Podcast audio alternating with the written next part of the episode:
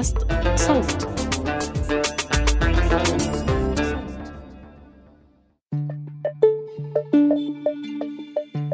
رسائل إلى سميرة.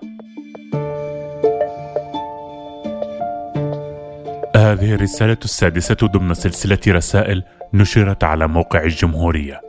يكتبها ياسين الحاج صالح لزوجته سميرة الخليل المخطوفة في دوما منذ عام 2013 يحاول فيها أن يشرح لها ما جرى في غيابها ننشر لكم رسائل مختارة منها بمناسبة مرور أحد عشر عاما على انطلاق الثورة السورية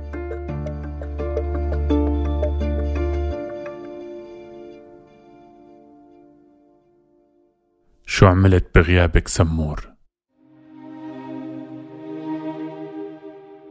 مثلما في كل شأن آخر لا أستطيع أن أروي لك أشياء كثيرة.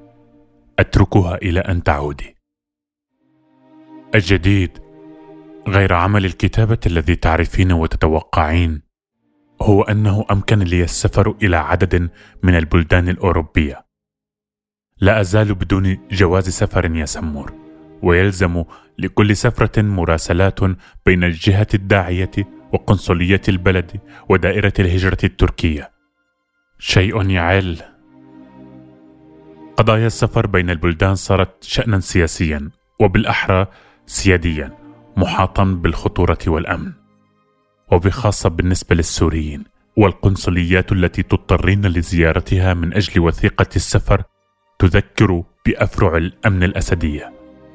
وضعنا في العالم يا سمور هو استمرار لوضعنا في سوريا الأسد. أظل مع ذلك من قلة محظوظة من السوريين ممن يمكن لهم السفر بين وقت وآخر والعودة إلى مستقر. سافرت إلى بلدان أوروبية وليس إلى أي بلد عربي أو بلدان أخرى إلى اليوم.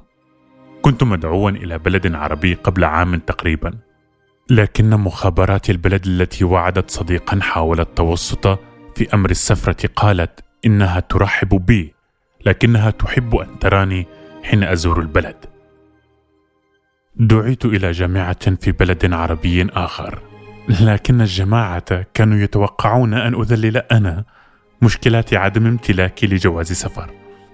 السفرات كلها كانت للمشاركة في أنشطة ثقافية وفكرية متصلة بالقضية السورية. وهي اليوم إحدى المسائل العالمية الكبرى أو أكبرها. مسألة تتحدى قواعد التفكير والسياسة والنظام الدولي القائمة. وينظر إلينا نحن المتكلمين عنها بمزيج من التقدير والعداوة والحيرة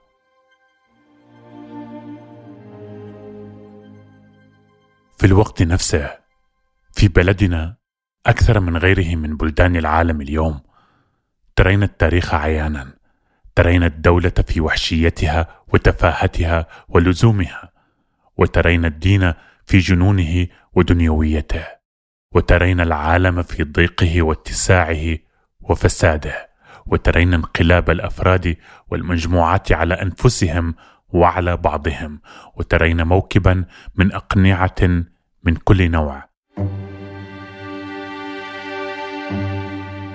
العبودية وعلى وجهها قناع التحرر والكراهية وعلى وجهها قناع الحب والطائفية وعلى وجهها قناع الوطن والقتل مسميا نفسه الرحمة والكذب متكلما بلسان الصدق والأنانية منتحلة شخصية الغيرية والتضحية والسفاهة وهي تزعم لنفسها الإنصاف. يكاد كل ما ترين وتسمعين يكون عكس ما يدعى. لولا أن القلب مثقل بغيابك كان التأمل في هذا العالم ينقلب ويتقلب مصدر متعة فكرية ولكان حظا خاصا رغم الكارثة العامة العيش في زمن تاريخي كهذا. أظن أن الصراعات الكبرى تحرض على التفكير في التاريخ والمصائر البشرية، ونحن في وضع كهذا اليوم يا سمور، ليتك بقربي. والجديد في الكتابة أني أكتب عنكم الأربعة، عن رزان وعنك أنت خاصة. الكتابة عنك ليست مجرد موضوع جديد في شغلي يا سمور هي ما تعطي روحا لكل شغلي الآخر أنت لست قضيتي يا سمور أنت هويتي والكتابة عنك علاج لنفسي كذلك يا سمور عندي مثل كثير من اللاجئين السوريين عقدة الناجي. الشعور بالذنب الذي يتملك من نجا من محنة لم ينج منها غيره. في موقع الجمهورية تذكرينه طبعا لا يزال يعمل وأكتب فيه أساسا عبر كاتب شاب عن هذه العقدة التي يحتمل أنه لم يسبق أن سمع بها بعبارة مكثفة وجميلة جدا.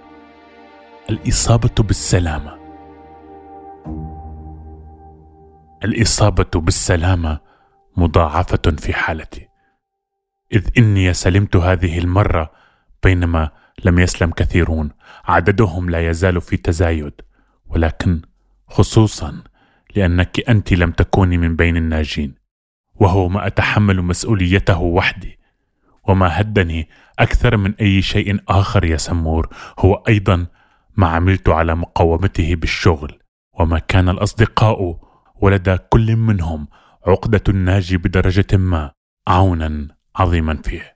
وحتى أصدقاؤنا الأتراك لديهم درجة من هذا الشعور حفزتهم على التضامن ومشاركتنا أنشطة متنوعة ثقافية واحتجاجية وكان عونهم عظيما طوال الوقت.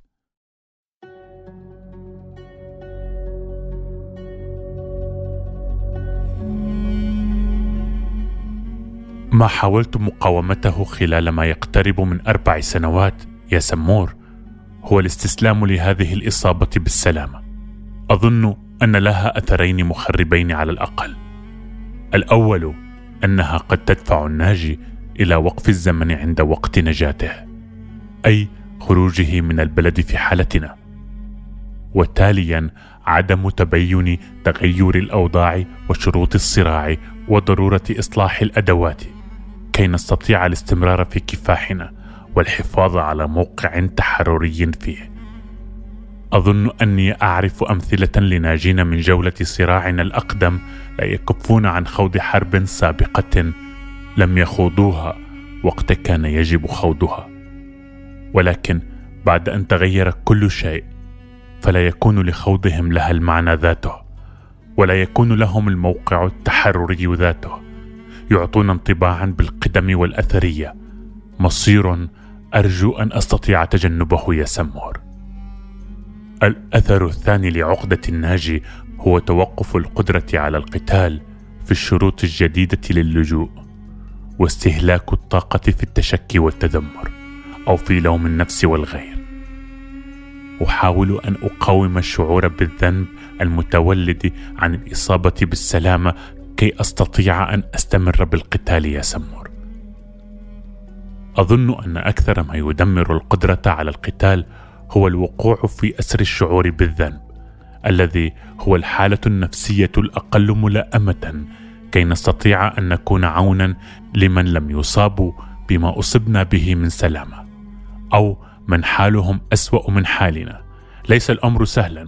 أعرف ذلك بالتجربة يا سمور. هو أقرب إلى اشتباك دائم. يتجدد كل يوم. ولا نكسب المعركة فيه ابدا. لكن يمكن أن نستمر في خوضها. وربما يساعد على هذا التوجه في هذا الوضع الذي لا يطاق يا سمور. أني كنت يوما في وضع غير الناجي. أقصد السجن. بينما كان رفاق وأصدقاء لي مصابين بالسلامة. وقتها أنت أيضا كنت في وضع مماثل. ولا ريب أن أصدقاء لك ورفاقا تملكهم شعور مماثل. ماذا كنا نأمل ممن نجوا وقت كنا مع معظم رفاقنا في السجن؟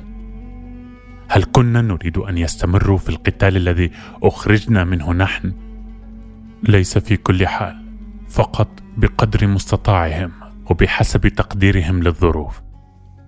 هل كنا نريد أن يستسلموا للشعور بالذنب ولوم أنفسهم على إصابتهم بالسلامة؟ فلا يتحررون منها إلا بأن يسجنوا معنا. ابدا. أعتقد أن ما كنا نأمله منهم أن يصونوا أنفسهم ويصونوا في أنفسهم وفي سلوكهم قضيتنا. في سجون حافظ الأسد كنا نأمل من أصدقائنا أن يصونوا كرامتهم. وكرامتنا.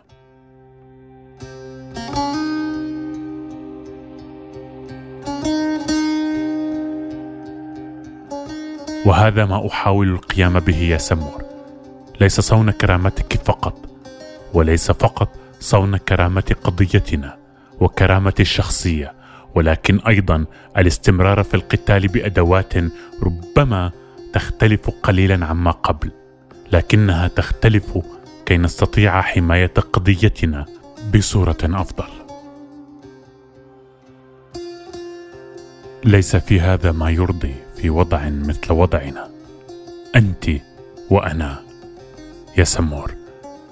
أنت مغيبة داخل حدود ضيقة مظلمة وأنا مرمي بعيدا خارج الحدود ولست أكتفي به بينما أعمل على المساهمة في بناء أدوات أكفأ وموقع أنسب لاستمرارنا في القتال بعد أن خسرنا جولة الثورة.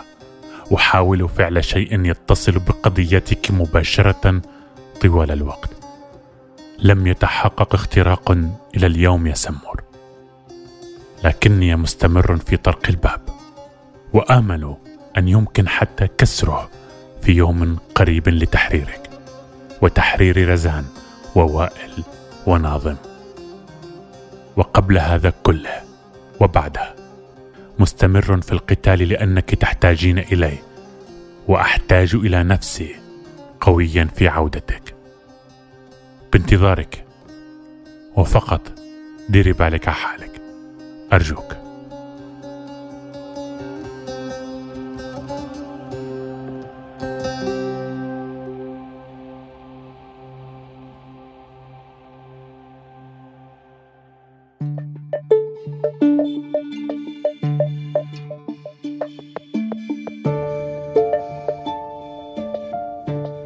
روي هذا العمل بصوت أحمد قطليش. كنا معكم من فريق التحرير عمر فارس ومن المونتاج محمود أبو ندى. إذا حابين تسمعوا قصص أكثر من الثورة السورية استمعوا للمواسم السابقة. ذاكرة وبعيد عن العين اللي بنحكي فيه قصص عن المغيبين. ورزان يلي بيسرد قصة الناشطة رزان زيتونة. بودكاست شرايط. من إنتاج صوت.